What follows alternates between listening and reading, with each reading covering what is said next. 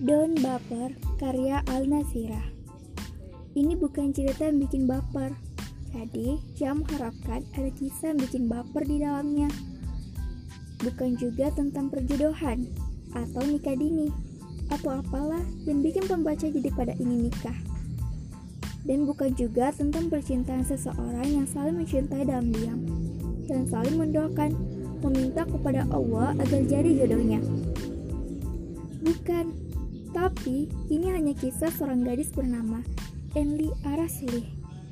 Bukan nama yang islami kan? Entah apa artinya juga.